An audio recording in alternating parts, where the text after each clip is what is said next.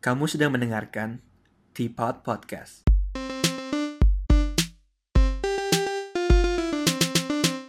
Hello, welcome back to Teapot. Balik lagi bersama gue, Fernando Sugianto, dan hari ini gue mau ngomongin soal apakah orang-orang yang punya platform besar atau followers yang banyak di media sosial itu berarti punya tanggung jawab buat bersuara soal isu-isu besar nih, kayak sosial, politik, atau apa itu deh yang, yang lagi rame gitu.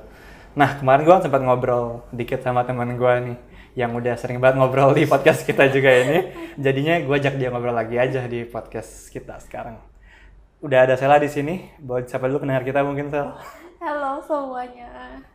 Oke, mungkin langsung aja kali ya kita masuk ke topiknya. Jadi kan kemarin kita sempat ke- kepikiran topik ini karena lagi rame soal Black Lives Matter ya. Habis itu akhirnya hal itu uh, spark banyak kontroversi ya. Jadi ada banyak orang-orang juga ngomongin rasisme di Indonesia dan di berbagai penjuru dunia gitu kan.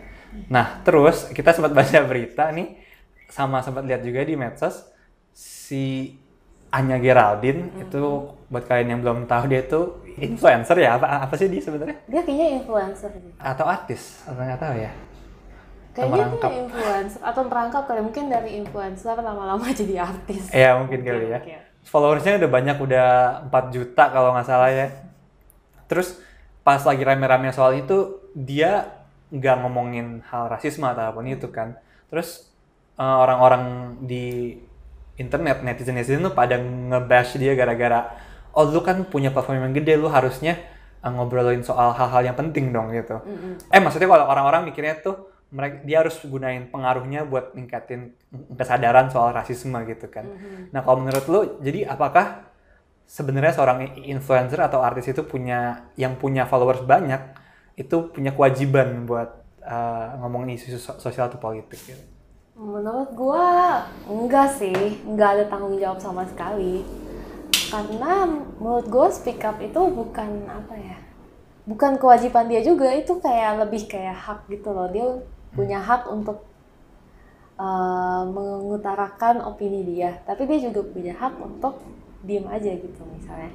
Tapi menurut gua bukan berarti dia diem aja terus dia kayak oh dia nggak mendukung ini makanya dia diem aja gitu. Siapa tahu bisa aja dia sebenarnya nggak cukup mengerti atau nggak cukup paham, jadi dia kayak diem aja dulu daripada dia ngomong terus malah jadi ngaco. Hmm, benar-benar. Kayak daripada dia asal-asalan mendingan dia diem aja dulu gitu ya. Iya karena Anya Geraldine ini sebenarnya kan dia bukan influencer yang emang bergerak di bidang sosial atau apa sih menurut gue ya. Jadi kayak dia nggak ada kewajiban apa-apa juga untuk tiba-tiba speak up or anything gitu. Maksudnya itu totally benar-benar 100% itu hak dia. Dia mau ngomong ya nggak apa-apa dia mau dia pilih untuk nggak ngomongin itu juga sebenarnya nggak apa-apa Hmm. gitu. Ya sebenarnya na- na- tadi lu bilang si, si Anya ini juga nggak bergerak di bidang sosial gitu kan.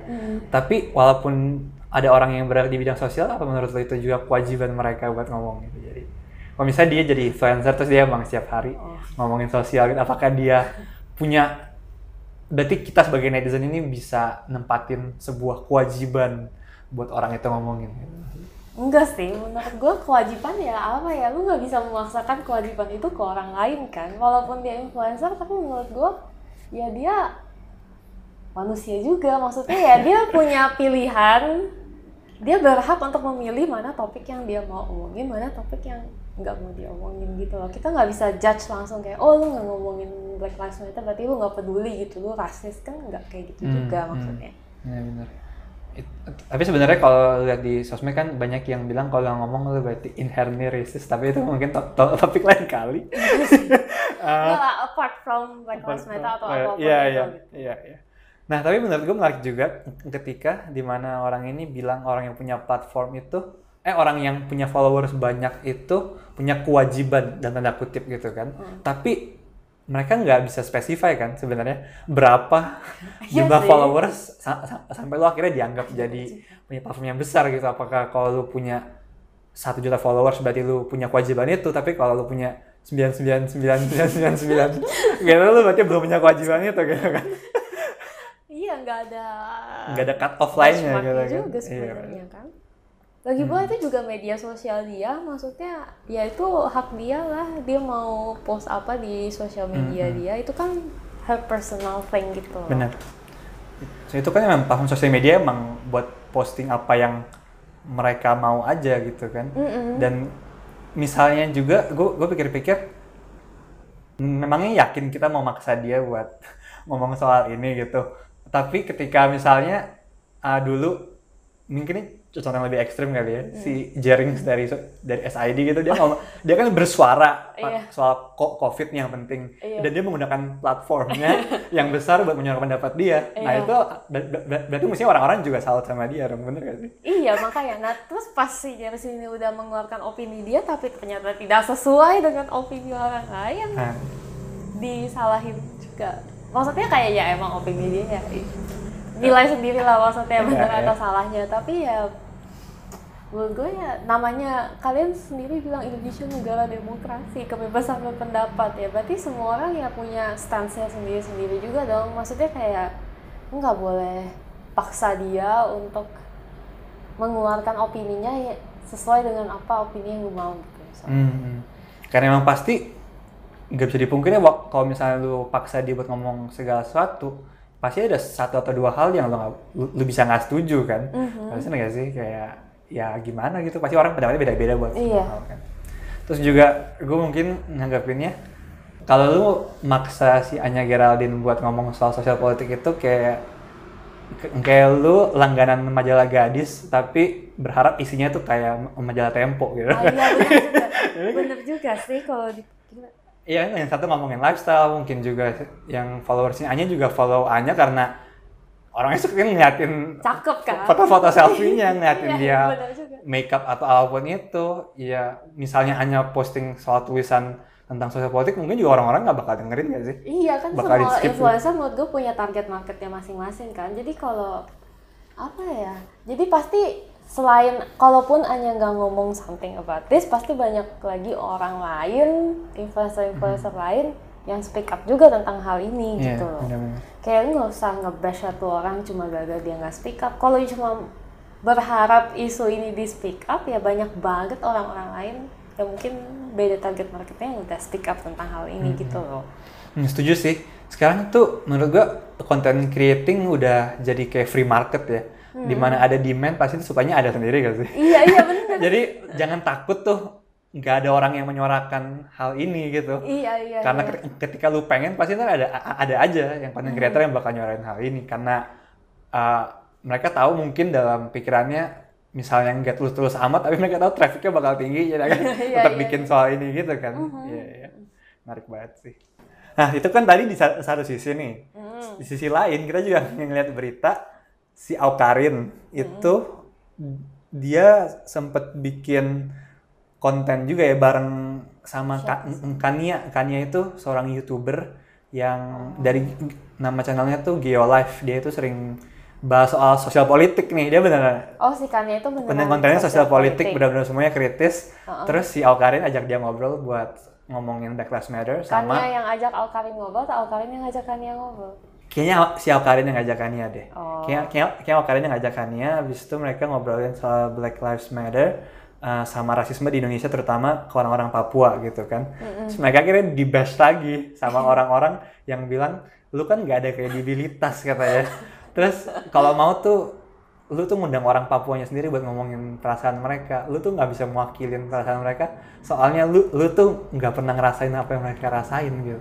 Lalu tuh so- pas mereka sama Anya Geraldine speak up tentang hal itu berarti mereka menganggap Anya Geraldine pernah ngerasain apa yang mereka rasain. ya itu makanya kan jadi ada ada dua sisi nih. Nah tapi kalau menurut sendiri apakah penting orang itu uh, harus kredibel buat bersuara gitu jadi? Ya balik lagi ke yang poin yang pertama sih semua orang punya kebebasan beropini kan. Jadi menurut gua ya dia berhak-berhak aja mengeluarkan pendapat dia tentang hal itu. Kan namanya mengeluarkan pendapat, bukan memaksakan pendapat si Alkarin ini ke orang lain. Ya kalau lu nggak setuju sama pendapat dia, ya udahlah gitu. Maksudnya kayak Ya, ya, udah lalu antara nggak usah dengerin yang itu. Kalau lu mau dengerin yang dari apa-apanya sendiri ya pasti banyak lagi gitu loh yang banyak juga kan setahu gue yang wawancara yang kayak narasumbernya mungkin orang Papua sendiri gitu maksudnya ya lu jangan dikit-dikit nyalahin influencernya juga atau gimana karena menurut gua berarti itu lu punya masalah tersendiri kayaknya mungkin lu nggak suka aja gitu misalnya sama si Al Karim jadinya lu kayak ngomong gitu ke dia. Itu bener banget sih gue sempet denger juga. Emang kalau misalnya lu lu udah gak suka sama satu orang, hmm. apa pun yang dilakuin mungkin lu udah suzon dulu. Jadi ah apaan sih? Ngomongin apa? Ah, apaan sih Karin gitu kan. Ta- tapi kebalikannya kalau lu udah suka sama sa- satu orang mungkin kalau dia ngomong yang aneh-aneh pun lu jadi mikirnya ah masa sih mungkin dia ma- maksudnya nggak gitu jadi akhirnya lebih bias orang-orang siapa orang punya bias kali ya Iya kan menurut gue kayaknya mungkin mereka punya bias tersendiri aja sih. Mungkin kayak there's nothing wrong. Namanya kan juga beropini, siapa tahu dia kan cuma mau raise awareness atau apa. Which is kayak kalau lihat banyak banget di luar negeri juga kayak misalnya orang-orang yang bukan kulit hitam sendiri, kayak orang-orang dari ras lain, mereka kan juga kayak spread awareness doang kan tujuannya. Tapi kayak nggak ada yang. Iya menarik ya. Jadi maksudnya gara-gara orang ngomongin itu walaupun dia salah pun orang jadi nyari tahu yang benar gak sih supaya buat ngata-ngatain gitu. Oh iya benar juga ya. Kayak dulu pas zamannya si Jaring lagi heboh gitu, Mm-mm. lu mau boleh ngata-ngatain apa pun soal Jaring, tapi dari Jaring or- orang-orang jadi banyak belajar hal yang benar juga, kalau kurang lebih. bener juga sih eh tapi kalau di kalau gue lihat ya culture-nya di sini Ah. mereka tuh kayak misalnya ada satu orang speak up Ah, ah. terus dia ternyata speakernya rada blunder dikit salah Hmm. tapi kebanyakan netizen tuh sekarang dia bukan yang mengedukasi dia untuk menjadi lebih benar tapi mereka tuh kayak malah ngajak satu internet tuh musuhin dia Satu namanya kampung. cancel culture gitu loh wah Karin is cancelled gitu Di cancel. Emang apaan? Acara-acara pas covid di cancel. Jadi kayak menurut gue banyak orang juga sekarang jadi malas speak up karena misalnya lu blunder dikit, terus orang-orang instead of kayak ajarin lo yang bener kayak gimana, tapi malah kayak oh ternyata Al Karim itu rasis gitu misalnya. Malah label-labelin gitu ya. Iya karena cerita aja dulu lu pernah denger gak sih Yang mana? si Al Karim itu pernah di endorse produk pemutih kayak brightening lotion gitu. Oh, Terus yang di Instagram Instagram gitu. Iya, yang di Instagram motif gitu. habis itu, em, habis itu karena dia speak up yang tentang hal ini, terus dibilangnya ala Al Karin nggak ngerti apa-apa juga tentang Papua. Udah gitu dulu dia sendiri juga pernah endorse pemutih gitu, jadi dia rasis. Hah? Itu dua hal yang bertentangan tapi dijadiin satu sih. Tapi Iya maksudnya kayak hal-hal yang lama yang di masa lalu terus kayak dibawa lagi pada terus kayak disalah-salahin aja gitu ya. Hmm. Malah gue sempat dengar sebenarnya eh, salah satu prinsipal yang paling baik buat diterapin di culture free speech tuh siapa pun boleh ngomong walaupun sesalah apa pun lu lu tetap punya hak buat ngomong dan kita nggak nggak boleh ya kayak tadi cancel dia gitu ya kita dengan ah, ya, ya kita berdialog berdebat sehingga kita lebih mendekati ke kebenarannya gitu. Iya, yang betul kan kayak lu uh, discuss gitu loh, itu jadi platform of discussion. Jadi kayak semua orang tuh malah kayak tambahin masukan dari dia tuh apa. Jadi semua orang tuh belajar. Tapi instead yang gua lihat sekarang di internet internet, apalagi di Indo, orang tuh kayak canceling each other gitu. Oh, jadi kayak gue pernah denger lagi ada satu orang, dia kayak um, influencer juga lah. Pokoknya dia kayak belain si Anya Geraldine gitu. Dia bilang kayak, oh uh, influencer tuh sebenarnya nggak punya kewajiban juga untuk speak up. Maksudnya kayak influencer juga bebas untuk memilih topiknya sendiri. Dia mau speak up tentang apa. Karena takut salah atau gimana. Terus ada satu orang netizen, jadi dia tuh uh, gali-gali tweetnya si influencer ini sampai ke tahun 2014 Ni- niat banget ya Niat banget ya. Terus tweetnya itu tuh eh, sebenarnya orang itu ceritanya 2014 itu lagi jalan-jalan ke Eropa gitu. Lagi jalan-jalan ke Eropa. Terus biasa di Eropa kan sering dikasih tahu gitu kan, hati-hati banyak copet. Hmm. Nah, terus di cerita itu cuma ada sepenggal tweet gitu doang dipotong tweetnya itu tuh tulisannya oh eh, ternyata copet di sini itu beda sama yang di pikiran dia eh oh di pikiran gua copet itu biasanya yang kulitnya hitam bla bla bla bla tapi padahal ada lanjutannya ternyata Ah. maksudnya eh, itu stereotip doang Oh. yang nyopet dia tuh orang kulit putih ganteng masih muda gitu dan dia tuh nggak nyangka gitu loh sebelumnya iya.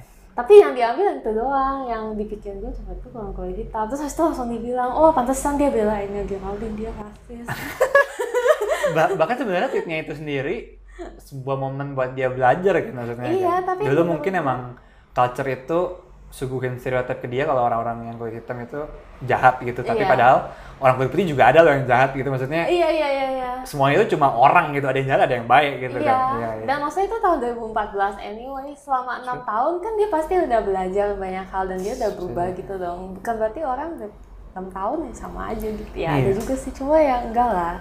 Jadi instead of kayak healthy discussion, tapi malah semua orang kayak ngebash satu sama lain. Oh influencer ini kayak gini, influencer ini speak up kayak gini. kayaknya sekali lu salah udah nggak bisa bener lagi lah gitu Mungkin kali. kelihatannya gitu ya iya. Tapi gue gue melihat hal lucu dari orang yang kritik itu sih. Orang yang kritik eh, si Alkarin itu kan dibilang lu nggak kredibel soalnya eh, lu nggak tahu rasanya jadi orang Papua gitu kan nggak ngerasain diskriminasi ini sendiri. Tapi kalau lihat kan kayak argumen saya bisa diomong ke dia gitu. kayak dia, dia kan juga bukan orang Papua gitu. kayak emangnya lu tahu pendapat dia itu enggak enggak enggak mewakili siapa, siapa tuh mewakili gitu. Nggak ada yang tahu. Nggak ada yang tahu. tahu Nggak ada yang tahu kan. Iya. atau mungkin dia mikirnya enggak kali kan gue mau mendengar informasi yang kredibel jadi gue maunya orang Papua sendiri gitu eh, bisa jadi. Eh, emang sih tapi menurut gue emang lu mau ngomong apa pun netizen yang maha benar itu pasti ada aja lah yang nyela-nyela ya. Ini kan ada dua ada dua sisi nih. Yang satu nuntut lu buat speak up, pas speak up eh yang nyerang yang sebelahnya lagi gitu Iya, kan. iya, iya. Nyerangnya jadi emang kayak emang kita nggak bisa nyenengin semua orang lah ya gitu. Eh, ya terus gue juga setuju sama lu sih kalau ngomongin isu-isu soal politik, habis soal sosial atau apa pun itu kayak emang lebih jadi hak lah ya bukan kewajiban buat orang ngomong. Terus eh, ya iya kayak tadi kita udah bahas juga itu nggak- jangan khawatir kita bakal kekurangan orang-orang yang bikin konten-konten seperti ini karena Indian pa- pasti ada aja yang bikin gitu walaupun eh, maksudnya nggak tulus gitu kan. Tapi gue juga menarik sih kalau orang-orang bilang nggak tulus. Dulu pasti Aukarin bagiin sumbangan, yang pas kapan kok kayak kayak pas lagi demo deh, lagi demo engkau engkau HP. Oh Dia bagi-bagiin sumbangan air atau apa pun itu, Oh, ta- iya. tapi sambil di, di foto gitu oh, kan. oh. Orang-orang pada nggak beres dia gitu. Tapi kalau menurut gue sih, walaupun lu nggak tulus, tapi least orang-orang sekitarnya bahagia gitu. iya oh ini juga lu tahu Rachel V-nya enggak Iya itu yang mana tuh? Yang, eh, dia yang bikin galangan. Iya, Dana ya, dia apa? bikin Lupa. galangan dana untuk COVID itu Ah. kan. Terus abis itu netizen tuh malah nyerang dia juga. Dia bilang, alah Rachel V-nya padahal duitnya udah banyak tapi dia bikin galang dana doang. Maksudnya kayak galang dana kan dia kayak dikira dia tuh penyelenggaranya doang sendirinya dia nggak nyumbang dia cuma ngumpulin Hmm. artis-artis lain untuk nyumbang Hmm, hmm. jadi kayak dia diomongin kenapa sih kok lu nggak nyumbang gini gini gini terus habis itu Rachel V-nya kayak dia kesel atau gimana terus akhirnya dia kayak post di story. Kayak buat buka-bukaan aja katanya enggak gue sebenarnya nama dia sendiri juga ada di situ. Dia Ah. nyumbang. Terus dibahas lagi sama yang lain. Kalau mau nyumbang kenapa harus ngomong-ngomong di Instagram nggak tulus banget sih. Gitu iya, iya. Eh sebenarnya orang yang buka-buka gitu yang yang nggak tulus, gue bilang sih nggak apa-apa sih. Kayak kalau lu nggak tulus, kayak at the very least lu bikin orang lain hidupnya lebih baik gitu sih. Iya, menurut gua ya ada orang kan bisa sombong daripada sombong dan gak tulus untuk hal yang gak baik. At least yang ini sombong dan gak tulus untuk hal yang bermanfaat gitu Iya, loh. iya, iya. Dengan dia nyumbang-nyumbang kayak gini atau dia share di sosial media, siapa tahu ada orang lain yang kayak mikir, oh dia nyumbang apa gue harus nyumbang juga Hmm, gitu ya. Jadi menurut gua at least ya oke lah. Yang itu juga yang beliin makanan pakai Gojek ingat nggak? Waktu itu kayaknya sempat Kayak rame. rame iya iya. yang campaignnya yang kayak Iya iya beliin makanan buat beli makanan tapi jangan diantarin ke rumah tapi buat Ah, abang ah, gojeknya gitu kan. Itu juga banyak banget influencer yang kayak posting juga. posting tuh habis itu dikena bash lagi gitu. Hmm. jadi kayak bilangnya ngapain kayak share share kalian mau pamer ya bagi-bagi kebaikan atau gimana? gitu. Tapi menurut gue ya kalau pamer dan menggerakkan hati orang untuk melakukan Iya. hal yang sama ya why not gitu loh. Ya mendingan pamer berbuat baik daripada pamer nggak ada hasilnya pamer nggak ada gitu kan. hasilnya gitu. iya. Udah lebih baik gitu kan. Iya, padahal itu dia udah memakai platform dia untuk speak up, untuk do campaign gitu, tapi tetap di base juga, jadi kayak ya nggak. I mean, haters pasti ya gonna hate anyway so Hmm.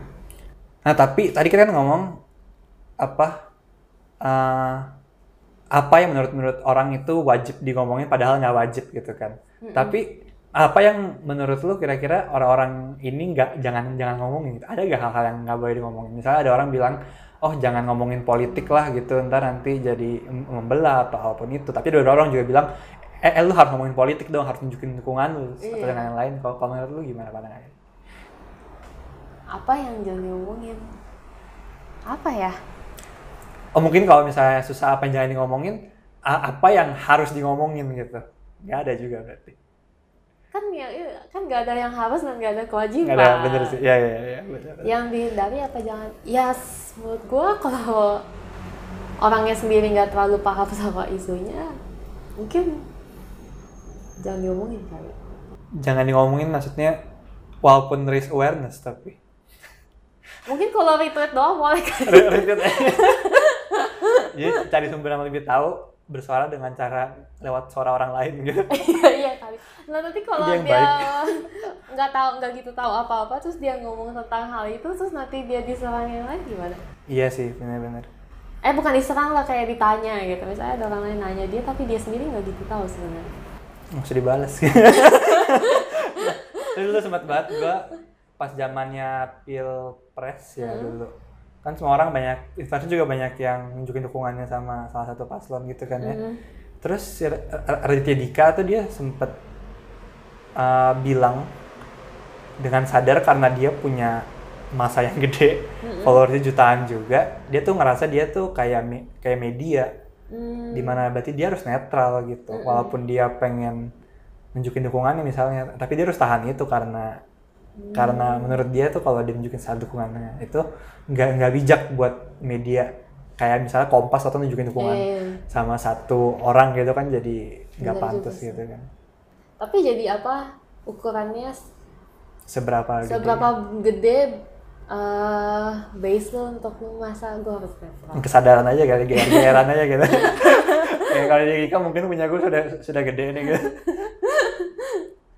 juga sebenarnya kan kalau ngomong-ngomong hal yang apa misalnya politik sosial gitu sebenarnya itu beresiko juga kan. Jadi kita nggak sebenarnya nggak boleh maksa orang-orang satu hal kita nggak boleh maksa karena itu bukan kewajiban mereka. Di hal yang lain itu juga sebenarnya hal-hal beresiko kan kalau lu ngomong hal, gitu. Misalnya lu, lu punya stand sebuah politik terus misalnya lu ada uh, apa kerja sama sama brand yang Iya. pandangannya berbeda lu bisa Iya. bisa kena damprat gitu kan sebenarnya Iya. kan mungkin isu-isu yang terlalu personal kali yang setiap orang beda-beda pemikirannya ya kayak politik gitu setiap orang punya dukungannya masing-masing mungkin jadi yang itu dihindari mungkin ya Iya, iya. Malah dulu si Panji, Panji Pragiwaksono komedian, dia kan jadi juru bicaranya Pak Anies tuh. iya Terus udah dong, udah udah udah milih, udah kelar, udah lama banget sampai sekarang nih. Kalau ada masalah sama Pak Anies, terus di komen dia masih ada ngomong, itu Ji jagoan tuh, tuh tanggung jawab lo Ji. Dia mau tanggung jawab gimana juga ya?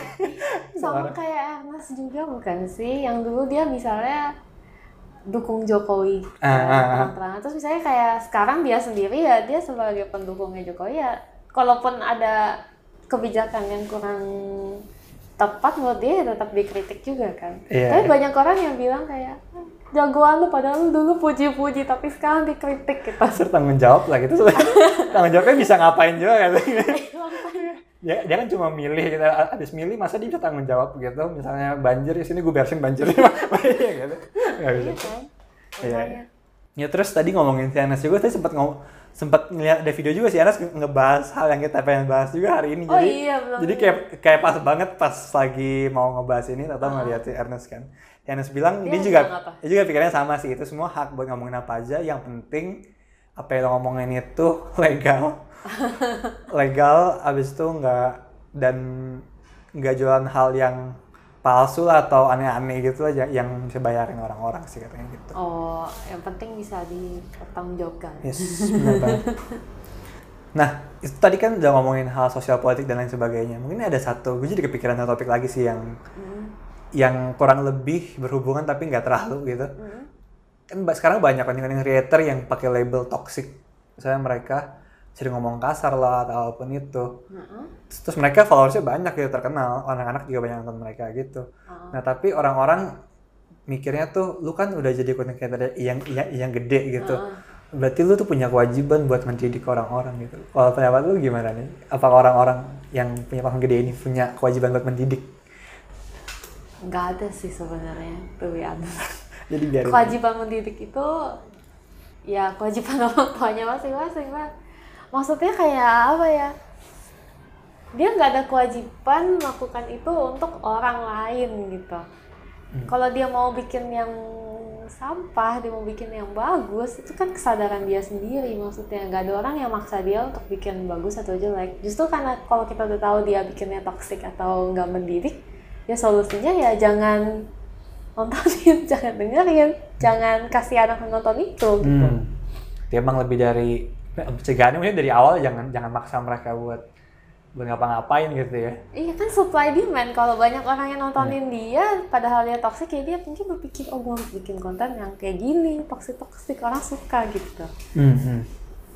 bener-bener Mhm. jadi pokoknya sih intinya dari yang kita ngomongin ini pokoknya intinya berpendapat itu sebuah hak ya bukan kewajiban Mhm. terus itu emang justru itu kewajiban kita sendiri Mhm. buat mem- memilah-milah informasi yang masuk ke pikiran kita juga benar betul Iya, iya, asik. Nah, mungkin pengalaman lu deh. Kayak at some point lu lu pernah gak ber- berharap terlalu banyak sama influencer atau panutan lu di sosial media gitu buat ngomongin isu-isu yang lu peduli? Nggak terlalu sih. Gak pernah ya? nggak pernah sih karena gue follow influencer karena gue suka kontennya gitu. Misalnya gue suka food and travel lah misalnya. Jadi gue follow influencer yang emang ngomongin food and travel. Jadi gue kayak nggak expect dia untuk ngomongin sosial politik Iya gitu loh. benar. Iya iya. Jadi emang follow kayak tak tahu marketnya juga lihat lihat lihat mereka emang bekerja di bidang apa itu kerjaan juga berarti kan. iya karena Iya, menurut iya. gue influencer mereka sebagai influencer ya mereka sama seperti orang lain itu pekerjaan mereka Hmm, hmm. jadi lu nggak bisa maksa dia misalnya orang kan kerja jadi koki gitu terus tiba-tiba maksa dia eh lu ha, sekarang lagi bikin butuh resep bikin resep dokter. iya sekarang lagi covid nih butuh dokter banyak lu sekarang jadi suster aja gimana gitu Iya, Iya benar benar. untuk demi lagi apa namanya trennya apa gitu Iya benar. kan nggak mungkin nggak bisa juga lu maksa-maksa dia untuk jadi suster ya sama influencer juga misalnya kayak food influencer emang itu kerjaan dia tentang makanan nge-review makanan nge-review cara masaknya Mhm. atau kayak cookwarenya atau bahan-bahannya atau apa terus tiba-tiba suruh dia ngomongin tentang sosial politik maksudnya itu kan bukan lingkup dia itu bukan kerjaan dia Hmm, hmm. jadi nggak bisa paksa dia untuk ganti kerjaan tanda ganti kutip kerjaan. ya kan Iya benar benar. Benar banget. Setuju banget. Nah, kita udah cover lumayan banyak insight juga ya soal ini. Tapi mungkin sebelum gue tutup, gue pena- penasaran sih. Kemarin kan uh, dua episode lalu gue sempat ngomongin banyak soal Black Lives Matter sama, sama rasisme nih. Itu kan gue ngomong sendiri gitu. Lu ada pendapat atau thoughts yang lu pengen share gak soal rasisme atau Black Lives Matter ini? apa ya again karena gue kurang disclaimer dulu, disclaimer. disclaimer karena gue kurang mengerti the root and everything jadi gue cuma kayak tidak berpendapat tapi bukan berarti gue rasis Ya. maksudnya kayak apa ya menurut gue the most important thing itu starts from yourself lah. Disclaimer bukannya gue nyalahin orang nggak boleh share apa-apa di social media or whatever. Tapi lu share black square doang di social media and then you do nothing about it. Atau you square eh you share black square di social media. Tapi abis itu you kayak masih ngomongin orang lain kayak ah gue nggak mau temenan sama dia dia beda sama gue gitu. Masih merendahkan orang lain ya sama aja Hmm. hmm. Ya udah paling segitu dulu aja. Thank you banget buat Sela buat ngobrol-ngobrol hari ini. Gue jadi nambah perspektif juga soal perspektif soal apa influencer soal influencer ini. Soalnya ini lumayan rame banyak banyak banget kan ya di sosial media. Terus dulunya gue gua nggak gitu perhatiin karena gue ngurang-ngurangin lihat konten nggak jelas gitu. Karena gue ya kalau ada ada berita soal influencer gue skip gue skip gue skip. Tapi ternyata yang ini lumayan menarik. Ya, maksudnya ini lebih ke persepsi di mana orang-orang melihat kewajiban mereka Iya. sebagai orang-orang yang punya masa banyak gitu. Mm, mm, mm, mm. ya thank you banget buat ngobrol bareng kita and jangan lupa follow podcast kita juga di tipe underscore podcast di Instagram and di Spotify dan kalau merasa ini uh, berguna bisa juga share di mana pun kalian berada and yeah I, I guess I'll see you guys in the next perspective bye Bye bye.